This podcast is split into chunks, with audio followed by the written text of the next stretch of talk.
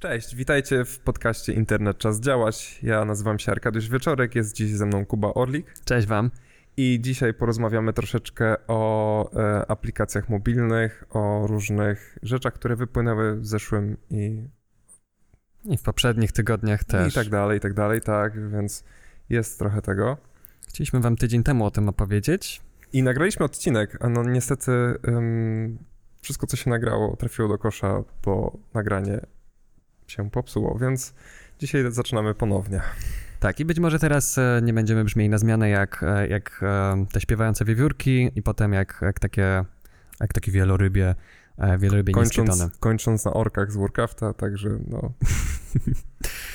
no, a, więc ty, przygotowaliśmy sobie tym razem a, listę artykułów, o których chcielibyśmy Wam opowiedzieć. A, one są z naszej ostatniej prasówki. I jeszcze myślę, że jest dobre miejsce na taką drobną uwagę techniczną, ponieważ ja czytelników naszego bloga od pewnego czasu raczyłem prasówkami. Co tydzień zbierałem najciekawsze artykuły i stwierdziłem, że będę robił taki digest e, najnowszych informacji. Um, I były bardzo obfite. Każda była coraz bardziej obfita z każdą następną edycją.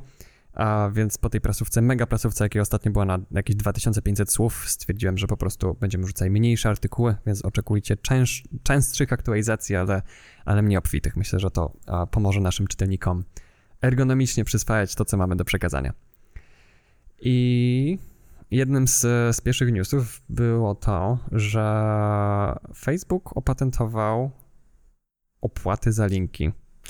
Tak, y, generalnie Facebook który jest właścicielem Instagrama, mm, opatentował e, umieszczanie linków w postach za opłatą.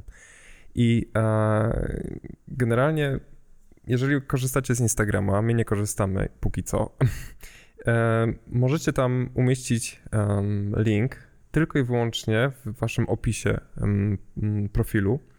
Chyba, że macie tak zwane konto verified albo 10 tysięcy followersów, Wtedy macie ten przywilej i możecie umieszczać linki w postach, typu do jakichś tam różnych akcji promocyjnych, wiadomo. Czyli jest to kierowane bardziej nie do ludzi, a do influencerów, do jakichś usług, firm i tak dalej. Co wiadomo, co, co tak naprawdę pokazuje, kto jest klientem e, jak Facebooka, tak i Instagrama. Niekoniecznie ludzie, którzy followują, tylko właśnie ci influencerzy, tak? I mamy tutaj jeden z najbardziej demokratycznych rzeczy w internecie, typu hiperłącza, czyli właśnie mhm. linki. Um, wysyłacie komuś link w, w jakimkolwiek komunikatorze, może, można wejść na niego, można włączyć to w przeglądarce, przesłać komuś. Macie tutaj posty na Instagramie i nie macie tam możliwości zamieszczenia linka. I jest to obchodzone w różny sposób, nie? Mamy tam na przykład e, zrzuty ekranów, mm, jakieś e, QR-kody, zdjęcia skróconych linków. E, no i jest to taki troszeczkę aspekt, który tak naprawdę przechodzi na sucho Instagramowi. Tak, w sensie jest, jest um, poza tym, że jeszcze jedną metodą na obejście tego jest to, że ludzie mówią, no link do tego znajdziecie w moim bio, bo tam można wrzucić mm -hmm. ten jeden link, tak. jaki po prostu. A kiedyś były karteczki na jedzenie, teraz mamy karteczki na linki na Instagramie. Um, ale normalny użytkownik może wrzucić linka, ale on nie będzie klikalny, mm -hmm. nie? Um, więc, e, więc jest no link w bio, ale jak potem ktoś wrzuca kolejny link, to musi napisać ten swój link z bio i jak ktoś czyta czyjąś historię postów, no to już no sorry, to racja. Nie ma racji bytu w tym, w tym momencie, nie? Tak i um, Zastanawiam się, co jeszcze Facebook zabierze użytkownikom, co będzie im, co, co, co mogło być im przy, przydatne. No już zabrał na pewno możliwość wrzucania zdjęć z Instagrama na komputerze. Mhm. Musisz to robić z, z telefonu. Z aplikacji mobilnej. Mhm. A co na przykład osobom, które robią zdjęcia lustrzanką jest bardzo nie na rękę. Um, Też i, na przykład ja widziałem, że mój fotograf na moim, na moim ślubie no. e, robił zdjęcia i żeby się pochwalić na Instagramie z, z fotek, które, ujęć, które udało mu się tak, tak. wykonać, tak. robił zdjęcie telefonem z, z podglądu na swoim, na swoim aparacie, nie? Tak, bo z, zdjęcie ekranu wyświetlającego zdjęcie, nie? Więc Arkadiusz na Telegramie wysłał mi zdjęcie, zdjęcie. swojego ekranu, jak wyświetla to zdjęcie na Instagramie, bo on nie ma Instagrama, więc został tylko screenshota. A, i, tak. I prawie byłem w stanie rozpoznać, co to były za twarze na tym zdjęciu. więc jakby działanie Instagrama jest takie, żeby zatrzymać użytkowników w tym ekosystemie, nie? Typu, żeby ten użytkownik, który tam dotrze, jak najwięcej czasu spędził tylko i wyłącznie w Instagramie i nie wychodził poza niego, no? I, i od, od, od, odkąd zacząłeś opowiadać te, te, historie, próbuję sobie w głowie wymyślić co, jakąś taką absurdalną hiperbolę tego, co, co Facebook może dalej zrobić z Instagramem, jakie jeszcze umiejętności, jakie jeszcze możliwości użytkownikom zabrać. I właściwie już nie jestem w stanie wymyśleć opłaty za wrzucanie linków. Może może będą opłaty za scrollowanie albo za, albo za, za, za to, że, że, że możesz wyłączyć na hmm. przykład Instagrama. Scrollowanie jest troszeczkę jak z Pinterestem, nie? No. Zaczynasz scrollować, musisz być zalogowany, żeby móc scrollować dalej. O nie. Okay.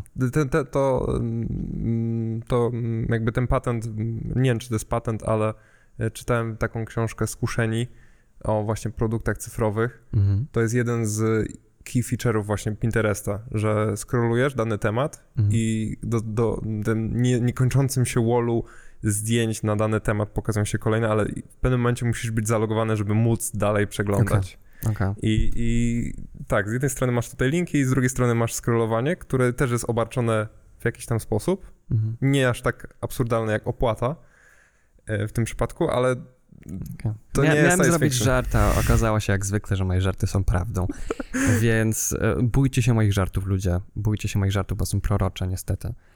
Um, I no, nie wiem, co więcej możemy powiedzieć o tym. To jest tylko patent. Więc e, jeszcze nie wiemy, że Facebook to, to wdroży, ale sam fakt, że już założyli limit na wrzucenie linków, świadczy o pewnym rodzaju pogardy dla podstawowych elementów budulcowych internetu więc te opłaty wcale by mnie nie zdziwiły. Um, i, ale to nie znaczy, że oni wdrożą ten patent. Nie mogą po prostu Dokładnie. na przykład czasem wyobrażam sobie, że ktoś mógłby opatentować coś tylko po to, żeby nikt w ogóle tego nie robił. Mhm. Nie? Jakby jak grościsz sobie monopol na robienie czegoś i sam tego nie robisz, no to to się nigdy nie stanie. Ale nie wiem, czy, czy Facebook zasługuje sobie na domniemanie niewinności tutaj. Ja, ja raczej zachęcam do tego, żebyśmy wypatrywali tej i podobnych praktyk w przyszłości i jeżeli coś takiego zajdzie, no to jedynym sposobem na to, żeby Facebooka od tego odwieść jest albo droga legislacyjna, która jest wolna i Facebook już nieraz pokazał, że póki nie zostaną prawnie zmuszeni, to, mhm. nie, to, to niektórych rzeczy nie zrobią, a nawet jeżeli zostaną prawnie zmuszeni, to będą próbowali to obchodzić. Więc najskuteczniejszą drogą na to, żeby wpłynąć na Facebooka jest po prostu um, bojkot Facebooka, kiedy robią coś, co nam się nie podoba. Um, co w moim przypadku jest 24 godziny na dobę, więc um, już dawno się pożegnałem z tym kontem, zresztą Arkadiusz też.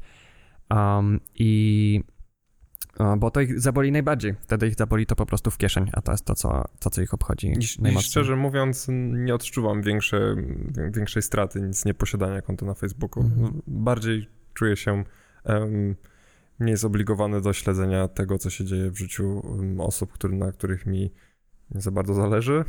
Tak, jest, jest, jest takie porównanie, że, że Facebook jest, to są um, posty, które cię nic nie obchodzą od osób, które cię bardzo dużo obchodzą. Dokładnie. A Twitter to jest posty, które cię bardzo dużo obchodzą od osób, których w ogóle nie znasz.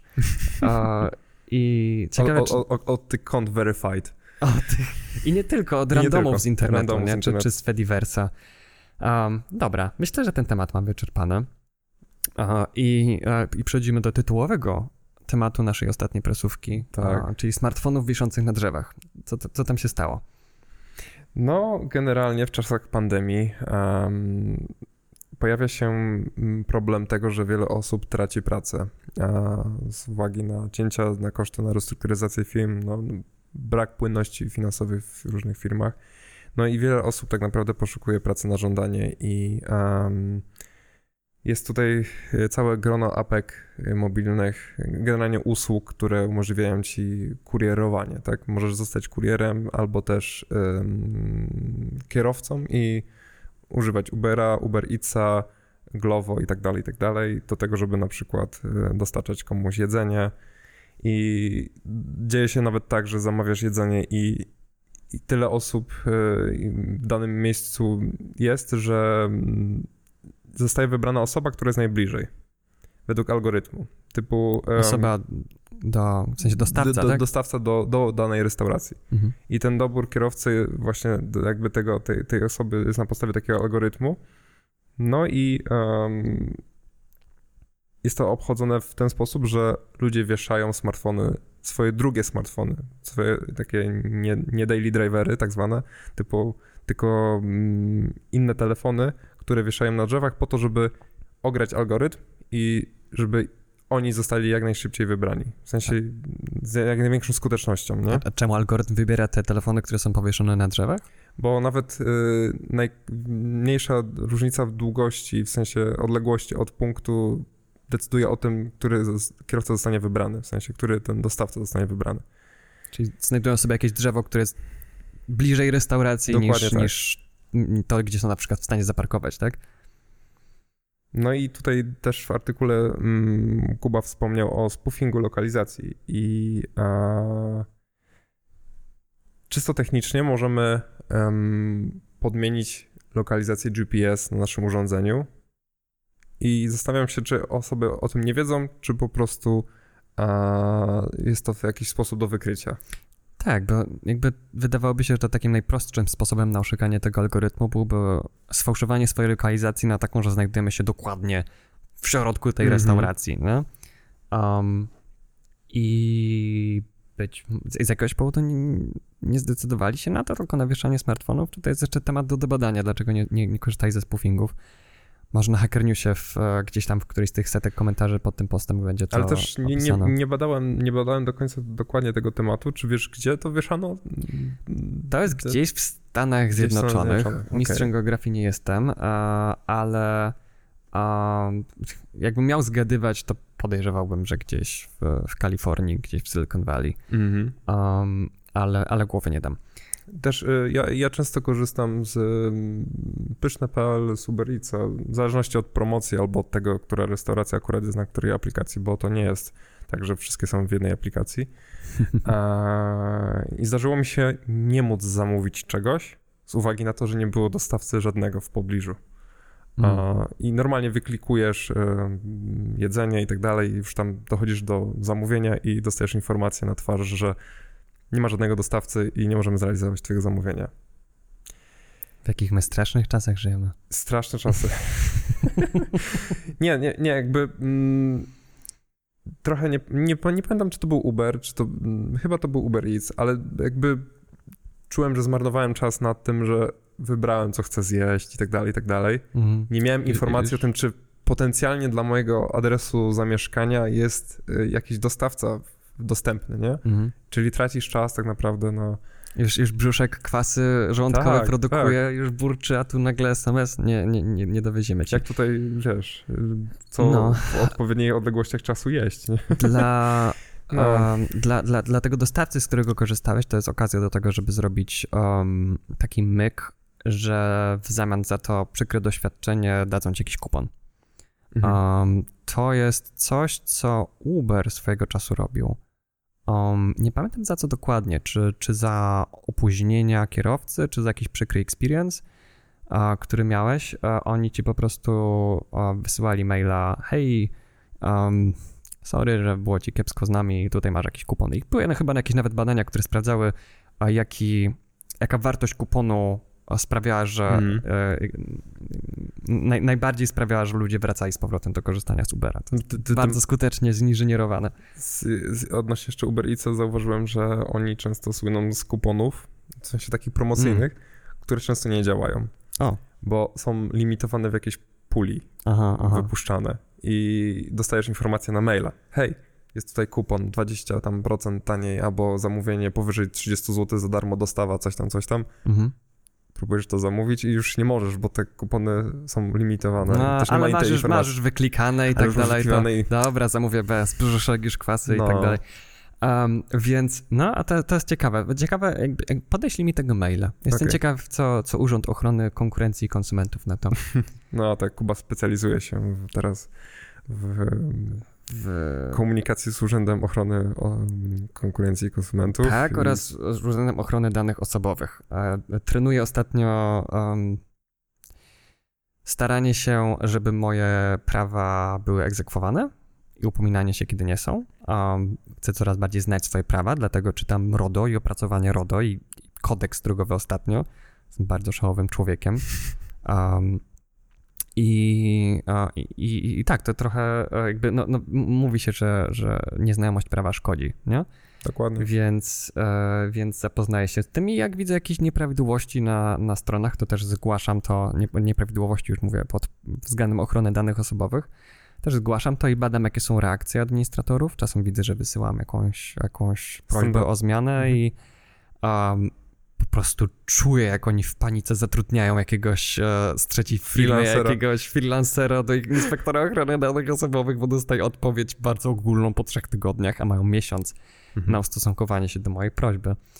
Um, i, e, I no, to są ciekawe doświadczenia. Jeszcze nie chcę tego wszystkiego spoilować, bo myślę, że zrobi się z tego bardzo ciekawy materiał albo na odcinek, albo na artykuł, albo na jedno i drugie, Mhm. jak będziemy w bardzo, w bardzo hojnym nastroju.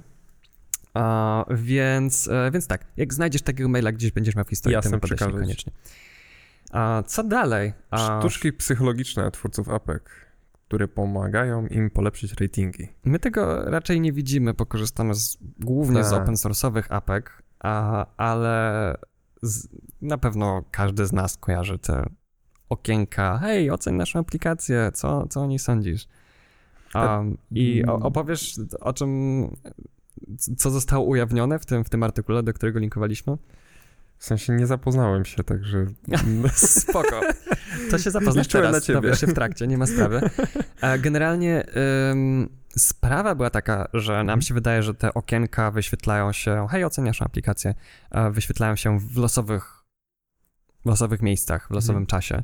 Um, I to jest na iOSie przynajmniej, na, na polskim systemie to jest dosyć nowa rzecz, bo dopiero od, od, od pewnego czasu, nie wiem, od, od, od jednej czy dwóch wersji iOSa dopiero można oceniać aplikacje bez przechodzenia osobno do sklepu z aplikacjami. W sensie, że w formie komunikatu, tak? Tak, wyświetlać się ten To muszę komunikat żonę i klikasz od zapytać. razu. Muszę żonę zapytać, czy jakiekolwiek takie okienka jej wyskakują, bo ma najnowszego iOS-a.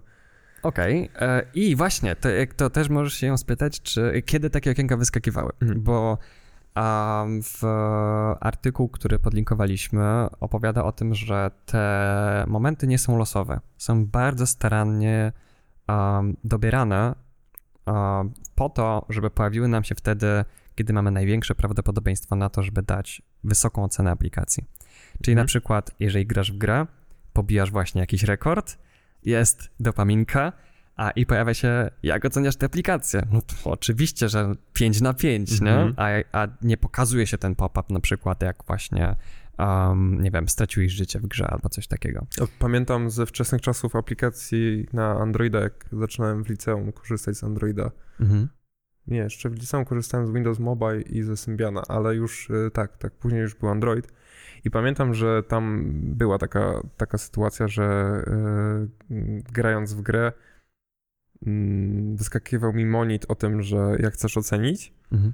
i jeżeli dawałeś 5 gwiazdek, to mogłeś od razu zamknąć komunikat, jeżeli dawałeś O mniej, nie! to musiałeś poczekać jakąś ilość sekund. O Także Jezus Maria. gorzej... Chyba to już jest zakazane. Chyba o, już- Mam nadzieję, bo, tak, bo nie to- widziałem takich to praktyk były i dawne nie czasy, słyszałem. ale- To był dziki zachód wtedy, nie? Tak. Aplikacji mobilnych. Zwłaszcza, no... Początki Podobnie- Android 1.6 i, i 2.0, taki, no. Podobnie aplikacje bankowe em, mają większe prawdopodobieństwo wyświetlenia ci okienka z prośbą o ocenę aplikacji, kiedy jest dzień twojej wypłaty, kiedy Mhm. przejdzie ci dużo, dużo pieniędzy na konto, a, lub kiedy na przykład śledzisz wyniki drużyny sportowych i kiedy twoja drużyna wygrywa, to wtedy ci pokazują Mhm. te okienko, a nie w przeciwnym wypadku. Więc, więc się tworzy takie zamknięte koło, że z jednej strony oceny aplikacji idą w górę, a aplikacji, które jakby, do, do, jakby dokonują takich praktyk, um, więc więcej osób pobiera te aplikacje, więc więcej osób przez te takie dopi, dopaminohakowanie daje im większą ocenę. No i to się tak tak jakby samo napędza. I no, Apple'owi jest to na rękę, jest więcej pobrania aplikacji, więcej ocen. Twórcom aplikacji jest to na rękę, no bo będą wyżej w rankingach, tylko konsumentom jest to nie na rękę, ponieważ to powoduje swojego rodzaju inflację tych ocen aplikacji. Mhm. Czyli już, już no normalnie aplikacja, która miałaby na przykład 3,5 gwiazdki i to by było ok, a to teraz no, jak aplikacja ma 3 gwiazdki, a nie 5 na 5, albo 4,5 na 5, to już Dokładnie. to dopuszczalne minimum. Mhm. Coś takiego samego jest teraz w grach wideo. W sensie albo jest 10 na 10, to jest super gra, a 9 na 10, no okej, być może, ale 8 na 10 to już jest to, że to, są recenzencje gier, którzy są krytykowani za to, że jakiejś fajnej grze daje 8 na 10, Mhm. bo to już jest traktowane jako po prostu zmieszanie Obraza. z błotem. więc, więc, wszystko poniżej od, od 8 do 1, no to jest właściwie już, już nieużywane, Aha. nie? W, w, w rankingach. Znaczy, czysto teoretycznie wydawałoby mi się, że danie 8 na 10 to jest całkiem spoko, zwłaszcza jakiejś grze, zwłaszcza jakiejś dużej grze. Są recenzenci, którzy dostają Mhm. groźby śmierci za to, że daje na przykład 7 na 10, nie? A grze, którą ktoś bardzo lubi. Więc, e, więc no w, w, tutaj w rynku mobilnym z innych powodów, ale widzimy podobne, a, podobne Jest, zachowania. jest taka strona, na której mm, sprawdza się... Mm, Metacritic e, być może? Metacritic, o właśnie, Mhm. tak. No, na Metacriticu często też zaglądam do gry i jak z- zastanawiam się nad kupnem gry na PlayStation, to też sprawdzam, czy, czy przebija 80. Mhm. Albo podchodzę do tego jeszcze mm, trochę, trochę inaczej. Patrzę na to, ile jest negatywnych opinii wśród użytkowników, bo tam masz jeszcze ten podział, nie? że masz recenzentów i użytkowników. W takim storze aplikacji mobilnych jest ten problem, że tak naprawdę nie masz tam recenzji od recenzentów, Mhm. tylko masz tak naprawdę od użytkowników, ale w ten sposób boostując to gwiazdkami i mm, okienkami w, do, w tym momencie, który twórca aplikacji chciałby, naj, żeby jego aplikacja została oceniona, no jest to trochę sztuczne zakłamywanie rzeczywistości, nie? I kiedyś ta, ta rzeczywistość była zakłamywana e, farmami ocen aplikacji. Są do znalezienia w sieci filmy, jak są takie chińskie farmy, po prostu są półki z tysiącami telefonów, różnych marek i tak dalej, które są, każdy jest podłączony kablem, każdy jest włączony, ma cały czas włączony ekran i są po prostu programowo sterowane tak, żeby klikać w różne rzeczy. Pobierz tę aplikację, coś w niej kliknij i daj automatyczny Mhm. e, ranking 5 gwiazdek i w ten sposób można było wywindować czyjeś rankingi i statystyki pobrań po prostu płacąc chińskiej farmie. Apple w jakiś sposób się za to wzięło. Nie, nie znam szczegółów jak, ale em, to, to takie serotonino-hakowanie, o którym teraz mówimy, jest jednym jakby narodziło się z tej potrzeby tego, że te farmy lajków już nie są tak skuteczne i są Mhm. e, banowane, kiedy wyjdzie, że ktoś korzystał z tego, nie? Z takich farm. Też, też jak, jeżeli były jeszcze na przykład komentarze, nie? Mm, Z takiej farmy lajków, czytając któryś komentarz z rzędu dało się to wyczuć, że no coś jest tutaj nie na miejscu, nie? Że to nie jest, to, to nie napisał zwykły, zwykły człowiek, nie? Ale wiesz, to czasem z jednej strony niby tak, ale czasem autentycznie widzę, jak osoby, które znam i które szanuję, z jakiegoś powodu, jak wchodzą do internetu i coś napiszą, to brzmią jakby po prostu Jak jak z farmy lajków, nie? A, więc e, zawsze trzeba mieć tutaj chociaż troszeczkę domniemania niewinności. Um, więc no, znaczy tutaj też myślę, że Apple jest em, w tej sytuacji, że jednocześnie jest systemem dostawy aplikacji i jednocześnie też Apple utrzymuje system rankingów tych aplikacji. Gdyby to było zde, zdemonopolizowane, gdyby to były na przykład dwie osobne firmy a, i Apple zajmowałoby się tylko dostarczaniem ich, a ktoś inny tworzeniem rankingów i tak dalej, to mogłoby być wiele różnych firm, które się tam agregują, które zajmują się agregacją informacji o tych aplikacjach i mogłyby mieć różne, um, różne strategie, które, które albo, no wiesz, których konsument by sobie po prostu Mhm. uznawał albo nie. To też właśnie dlatego taki Metacritic jest tym bardziej użyteczny wśród gier, nie? Tak, Mhm. i ja sobie też zdaję sprawę, że są takie aplikacje, które pozwalają ci oceniać aplikacje poza App Storem, ale fakt, że nie są zintegrowane z App Storem sprawia, że tak naprawdę ten Apple'owy rating jest tym, który ma znaczenie. No, a przechodząc y, przez aplikacje mobilne, jest nasz kolejny temat o smartwatchach. Mhm. Czy chciałbyś coś opowiedzieć o, o tym? Tak. E, było badanie w, w niemieckim uniwersytecie, o, teraz wszyscy filologowie mnie będą nienawidzili, Münster, Minister? e, tak się nazywa miejscowość, której jest ten uniwersytet, e, sprawdzili poziom bezpieczeństwa sześciu ze smartwatchy kierowanych do dzieci. I okazało się, że cztery z tych modeli, które były badane, miały drastyczne zaniedbania pod względem bezpieczeństwa.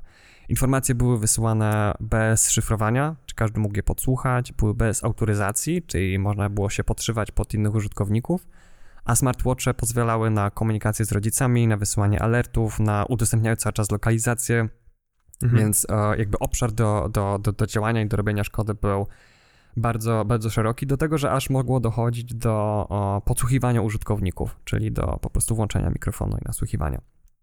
I to były marki głównie chińskie. E, I czy tutaj gdzieś mam napisane? Tak, są, jest marka JBC, jest marka Polywell, Anio i Starlian. To są jakieś takie chyba chińskie nazwy, które są przetłumaczone na jakiś taki ang ang angielsko brzmiący format. A więc na te marki szczególnie trzeba być e, ostrożnym, ale jeżeli mamy już zakupiony sprzęt, e, któremu nie ufamy, to nadal możemy jakoś go troszeczkę bardziej umocnić. Jest... I, I tak, bo mm, w przypadku mm, smartwatchy i ja mam doświadczenie ze Xiaomi, z Mi Bandami i z Amazfitem. Mhm. I są do tego, mm, generalnie jest do tego tak zwana Mi App, Mi App mi, Mi Fit, Mi Fit to się nazywa dokładnie, w, w Store, w Google Play Store i w Apple Store, w App Store, przepraszam. No i e, w przypadku tych aplikacji, nie dość, że one zajmują bardzo dużo megabajtów, co już się wydaje podejrzane. Zwłaszcza, że aplikacja, która tylko i wyłącznie analizuje dane, które pochodzą z zegarka i wysyła je tam gdzieś do chmury i zapisuje, no trochę dziwne, że zajmuje wię- 5 razy więcej niż Spotify Um, I biorąc, biorąc to na warsztat, y, zacząłem mm, dekompilować Mifita i tą aplikację i przeglądać, to, co ona tak naprawdę robi. Mam też y, w domu zainstalowanego Pichola, jest to takie narzędzie mm, wpięte w moją sieć. Kiedyś zrobimy artykuł o tym, albo też nagramy podcast, a może tutorial, jak sobie coś takiego postawić. Jest to generalnie mm, taka czarna dziura dla naszych, dla reklam w internecie i dla różnych prowajderów i trackerów. I naprawdę po uruchomieniu aplikacji Mi Fit w logach tej, tego Pichola widziałem wiele różnych informacji, które były wysyłane do różnych serwerów chińskich, a zaznaczam. Mm, my jako użytkownicy mamy tam analizę naszego snu, kroków, wiadomo, aktywności itd., tak itd. Tak to są zwykłe dane, nie powinno zajmować, ta aplikacja nie powinna po prostu zajmować tak dużo mm, megabajtów. Okazuje się, że jest tam naprawdę dużo, dużo, dużo trackerów, czyli aplikacji śledzących i mm, podmiotów, które śledzą mm, nasze poczynania albo też kolekcjonują dane o nas. I w przypadku chińskich zegarków generalnie jest wolna amerykanka. W sensie nie oczekujmy jako użytkownicy, że zakupimy chiński zegarek, który jest tańszy niż e, zegarki dedykowane mm, na rynek europejski i produkowane przez producentów europejskich albo ze Stanów Zjednoczonych, że będą mniej poda- będą tak samo bezpieczne jak te europejskie zegarki. No i jest, jest pewna alternatywa dla, dla, aplika- dla zegarków chińskich. Nazywa się ona Gadget Bridge z repozytorium F-Droid. Jest to mm, repozytorium otwartych aplikacji dla Androida. Dla przypadku iOS-a nie mamy możliwości, tam nie ma aplikacji, która by była odpowiednikiem. I um, ta aplikacja nie dość, że zajmuje bardzo mało megabajtów, e, co oszczędzamy miejsc na telefonie, chociaż teraz dzisiejsze telefony mają bardzo dużą pojemność, ale ja korzystając z pięcioletniego smartfona mającego tylko 16 GB pamięci, z tego 3,5 giga idzie na system, a i na resztę zostaje na, na, na wszystko po zainstalowaniu wszystkich aplikacji, które potrzebuję, zostaje mi 3 giga pamięci wolnej. A to Gadget Bridge działa świetnie, zbiera moje dane o aktywności, o śnie i tak dalej, nie wysyła jej do żadnej chmury, są one tylko lokalnie trzymane. Ponadto... Czyli, czyli nadal możesz korzystać z tego chińskiego nadal, zegarka, tak? Tak, tak, ono normalnie się paruje z tym, z, z tym zegarkiem. Generalnie zegarek myśli, że jest połączony z Mi Fitem w przypadku Amazfit Bipa i tak samo w przypadku Xiaomi i wszystkich tych y, tak zwanych Mi Bandów. Um, no i zbiera po prostu z niego dane, nie? To jest zwykłe połączenie Bluetooth. Um, możemy w tej aplikacji sobie to skolekcjonować, zbackupować te dane, mhm. przenosząc się z innego smartfonu na nowy smartfon, czy też e, reinstalując cały system operacyjny na smartfonie, możemy sobie wciągnąć z powrotem całą bazę danych naszych aktywności, tak żeby tego nie stracić. I jeszcze taka, mm, nie wiem jaka jest aktualna wersja Mifita, ale w tej aplikacji Mifita, której ja korzystałem dla, dla zegarków tych chińskich, w przypadku Amazfit Bipa, tego mojego zegarka, mam tam wbudowany GPS do trakowania mojej aktywności, na przykład jazdy na rowerze. Mhm. I są te, te tak zwane GPS, G, GPX tracki, e, ścieżki, które mm, zostały zapisane na mapie, żeby móc sobie tam przeglądać, jaką prędkością jechałem w danym miejscu, gdzie pojechałem i tak dalej. I w przypadku oryginalnej aplikacji mogłem sobie przeglądać tylko w tej aplikacji e, mapę, ale nie mogłem nawet tych plików wyeksportować Hmm, do tej takiego... chińskiej aplikacji, tak, tak? tej chińskiej oryginalnej aplikacji do formatu, który mogę wdrożyć, nie wiem, do Endomon, do, do różnych takich znanych aplikacji, do OpenStreetMapu. Nie mogłem sobie tego wyświetlić na komputerze. E, A dzięki Gadget Bridge'owi mogę sobie to wyciągnąć, e, wysłać w telegramem na komputer i sobie, czy mailem i sobie to tam wczytać. I, I tak, jako konsumenci naprawdę powinniśmy bardzo, bardzo uważać. Jeżeli chcemy chronić nasze dzieci, to rekomendowałbym e, ze swojej strony zakup zegarka, em, który nie jest smartwatchem, a jeżeli chcemy już tak naprawdę śledzić em, poczynanie naszych pociech, to em, poszukać zegarków, które nie są od chińskich producentów. Mhm. Tak, takie oficjalnie mm, kierowane na europejski rynek urządzenia mają obowiązek podlegać regulacjom RODO, a, a jeżeli tego nie robią, to no, grozi im dosyć duża kara. Tym bardziej, że na rynku chińskim, e, no tak jak wcześniej wspomniałem, nie ma, jest wolna amerykanka Mhm. i tam dochodzi naprawdę do kuriozalnych sytuacji takich, że na przykład użytkownik em, wypełnia wniosek o kredyt w internecie a, i z, musimy mieć jakąś zdolność kredytową, żeby otrzymać kredyt. I tam mm, zdolność kredytowa już w Chinach nie polega tylko na tym, ile zarabiamy i czy prognozujemy to, czy jesteśmy w stanie spłacić kredyt, czy nie. A czy jakaś nasza na przykład sytuacja mm, geopolityczna, finansowa i tak dalej. Tylko nawet jest badane to, czy wypełniając formularz w internecie, czy na dacie urodzenia, urodzenia się zawahamy, czy go wypełnimy w sposób, no tak jakbyśmy znali swoją datę urodzenia. W ten sposób na przykład ubezpieczyciel już wie, czy prawdopodobnie wypełnia to jakiś agent zamiast tego użytkownika, który weźmie kredyt. Mhm. No i w ten prosty sposób em, em, takimi metodami są em, chińscy obywatele szpiegowani. E, No i my, takimi wieloma. i- tak, i my kupując takie chińskie zegarki, tak naprawdę na, narażamy się na, na to samo. Znaczy, szczerze mówiąc też, no, hmm, wiesz, w, w Europie i w Stanach Zjednoczonych też użytkownicy są śledzeni, tylko że, że tak. e, tylko że jest taka jest różnica między totalitaryzmem a, a, a, takim powiedzmy kapitalistycznym państwem jest to, że w totalitaryzmie e, to jakby rząd montuje ci podsłuch w domu, Mhm. a w kapitalizmie takim skrajnym to ludzie sobie sami kupują podsłuch i wkładają go do kieszeni, montują sobie na ścianie i, i przynoszą do domu, tak? Teraz to jest Amazon Echo, Google Home i tak dalej. Mhm. Wspomniałeś, że a- zegarek ma wbudowanego GPS-a? Tak. Czyli może iść bez telefonu biegać i on Tak. jakby na sobie nagrywa tę ścieżkę? Tak. O, okej. I, i, Znaczy myślałem, i, że korzysta z GPS-u w telefonie. To zależy od zegarka. Mm, Na przykład y, Amazfit Bip, bardzo fajny smartwatch, y, chiński oczywiście, zaznaczam, ale mm, jeżeli go używamy z, odpowiednią aplikacją, jak na przykład Gadget Bridge, no to jesteśmy pozbawieni wtedy tych wszystkich y, szpiegujących rozwiązań. Tak, bo, bo w, tej, w tej sytuacji, o której mówiłeś, było tak, że ten zegarek komunikował się z telefonem i ten telefon miał aplikację, która wysyłała potem te dane Tak. do chińskiego rządu, a znaczy do chińskich serwerów, nie wiem czy do chińskiego rządu, um, chociaż pewnie też. Um, ale ym, o ile się nie mylę, to, to będę jeszcze musiał sprawdzić. Nie wiem, czy te zegarki to nie były takie zegarki, które miały wbudowaną kartę SIM. Tak, y, bo wiesz co, często też ym, przeglądając właśnie takie zegarki, to widziałem często, że te zegarki takie dla Mhm. dzieci często mają właśnie wejść na kartę SIM i to tak jest naprawdę mały smartfon. Mhm. bo łatwiej jest zaimplementować e, funkcje śledzące i takie Mhm. różne rzeczy, jeżeli jest to smartfon, bo mm, dając to dziecku, no to w ten sposób jesteś w stanie namierzyć to urządzenie w prostszy sposób, niż ono by miało łączyć się Bluetoothem z smartfonem, bo Mhm. zawsze ten smartfon może zostać gdzie indziej, ten zegarek zostać gdzie indziej. No, to samo może się stać, jeżeli masz zegarek z kartą SIM.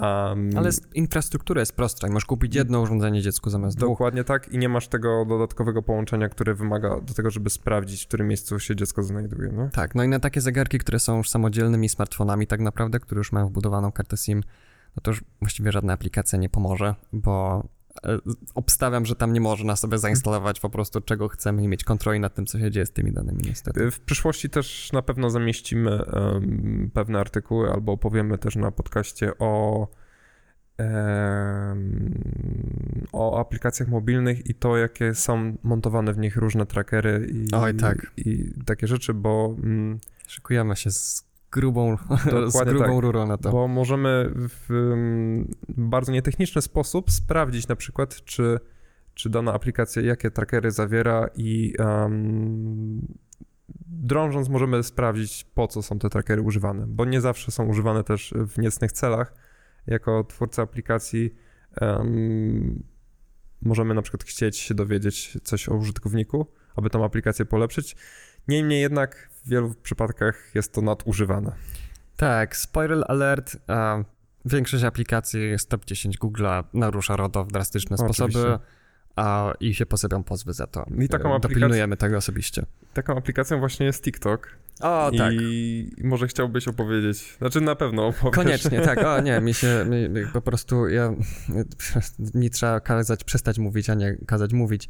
A zwłaszcza TikToku, który mi gotuje krew e, w żyłach, bo w TikTok ostatnio ogłosił, jak działa jego algorytm. Było to całe zamieszanie, że TikTok miał być sprzedany Amerykanom, bo Amerykanie chcieli zablokować TikToka, bo był chiński i było wielkie oburzenie, że, że to jest mm, że to jest szpiegowanie i tak dalej.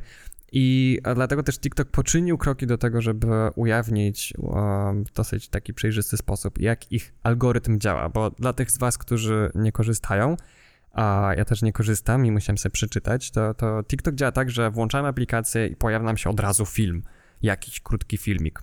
E, I skrolujemy go w którąś stronę z ekranu e, i pojawia nam się inny film. Tak, tak, tak się głównie korzysta z TikToka. Swipujemy, przesuwamy film z ekranu i pokazuje się inny. Um, I um, TikTok opowiedział coś, czego jakby tak czy jak bardzo się spodziewałem, że na podstawie tego, jak długo zawieszamy wzrok na każdym z filmiku i jakie interakcje podejmujemy, to TikTok uczy się, jakie filmiki są dla nas najbardziej angażujące. Czyli tak naprawdę jest sobie algorytm sztucznej inteligencji albo uczenia maszynowego na serwerach TikToka, który uczy się, co u każdego z jego użytkowników powoduje największą dawkę serotoniny czy Hmm. dopaminy naraz. Czyli- Znowu wracamy do dopaminu hakowania. Czyli ma tak naprawdę wpaść w jakąś konkretną kategorię. Tak, jest, jest tak jest jakby klastrowany, powiedzmy, nie? No i potem jak e, już ktoś wpada w jakiś klaster, no to, em, to e, wtedy pokazują się temu użytkownikowi treści, które podobały się także użytkownikom z podobnych klastrów. No i tutaj wracamy do tego problemu samego, który ma Facebook, czyli bańkowanie użytkowników, wpadamy w bańki informacyjne. I TikTok e, zaznaczył, że zdaje sobie sprawę, że zamykanie użytkowników w bańkach informacyjnych ułatwia szerzenie dezinformacji, teorii spiskowych i tak. Jednak zamiast zaniechać klastrowania, powiedział, że po prostu będzie próbował rozwiązać ten problem tego, że oni wpadają do tych różnych baniek. Czyli zamiast zapobiegać temu problemowi, który sam stworzył, em, będzie próbował go leczyć. Jak chcę go leczyć? A nie zostało jeszcze to Okej. określone. Mm. Więc e, myślę, że tutaj na dobrych intencjach i na miłych słowach się skończy, um, bo, bo się opłaca taki model, opłaca się dopaminu hakowanie, bo wte, wtedy już e, użytkownicy są w pewien sposób. Um, w pewien sposób wtedy ta sztuczna inteligencja przejmuje kontrolę nad użytkownikami i jak e, takie, nie wiem, filmy science fiction czy opowieści z, z, z lat minionych opowiadały, że no, będzie sztuczna inteligencja i roboty przejmą kontrolę nad światem, to to Um, to myślę, że to już się stało w pewnym aspekcie, tylko nie jest tak, że po prostu jest jakiś wielki Zordon, który wydaje nam rozkazy, tylko za pomocą sprytnych dopaminowych trików o, ta sztuczna inteligencja kontroluje nas przez Facebooka, przez TikToka i tak dalej i nie ma żadnej jednej osoby, która tym steruje, um, tylko to po prostu tak się wyłania sama z siebie. Jesteśmy jej w pewien sposób nią zniewoleni. Hmm. No, okej, ale e, dosyć wątków totalitarnych, bo jeszcze muszę, em, jeszcze nam ich starczy na następne odcinki ze spokojem. E, jednym z, z, z tematów także poruszonych u nas e, w prasówce były to, był temat ujawnionych przez Google dokumentów. Tutaj właściwie nie ma wiele więcej do powiedzenia niż to, że Google um, od, e, że Google wiedział, że ustawienia lokalizacji, które ma w, swoich, e, w swoim systemie operacyjnym, są zrobione tak, że użytkownik myśli, że je wyłączył, a tak naprawdę gdzieś tam jeszcze jest jakiś, jakiś haczyk, który go nie odhaczył i te jego informacje o lokalizacji są, są wysłane. I Co- to Mm, Sorry, ci przerwę. Mhm. To, to, mm, tak, nie dość, że nie wiemy em, czy tak naprawdę wyłączyliśmy lokalizację, to też wchodzimy do Google Play Store i, i telefon zaczyna się grzać i łączy się z, z lokalizacją, żeby nas zlokalizować, chociaż Mhm. wyłączyliśmy przełączniczkiem, że y, lokalizacja jest wyłączona naszym Tak, telefonem. no i, i właśnie tu wraca ten temat, że gdzieś tam jeszcze, gdzieś tam pod spodem był jakiś checkbox, który w ustawieniach na przykład Google Play Store trzeba było włączyć. To przez lata się zmieniało. Nie wiem, jak sytuacja wygląda teraz, bo nie, nie, nie, nie splamię swojego telefonu instalując na nim tych e, wersji Androida z googlowskimi usługami, ale... em, ale, e, ale tak, generalnie te dokumenty wyciekły, bo był, był pozew, em, w którym Google próbuje, się bronić i um, sąd poprosił ujawnienie ich listy mailingowej wewnętrznej i wtedy wyciekły ich, e, ich maile, które były całkiem wulgarne, bo widać, że były ocenzurowane a, i, i chciałbym się bardzo dostać do oryginalnej wersji, ale no cóż.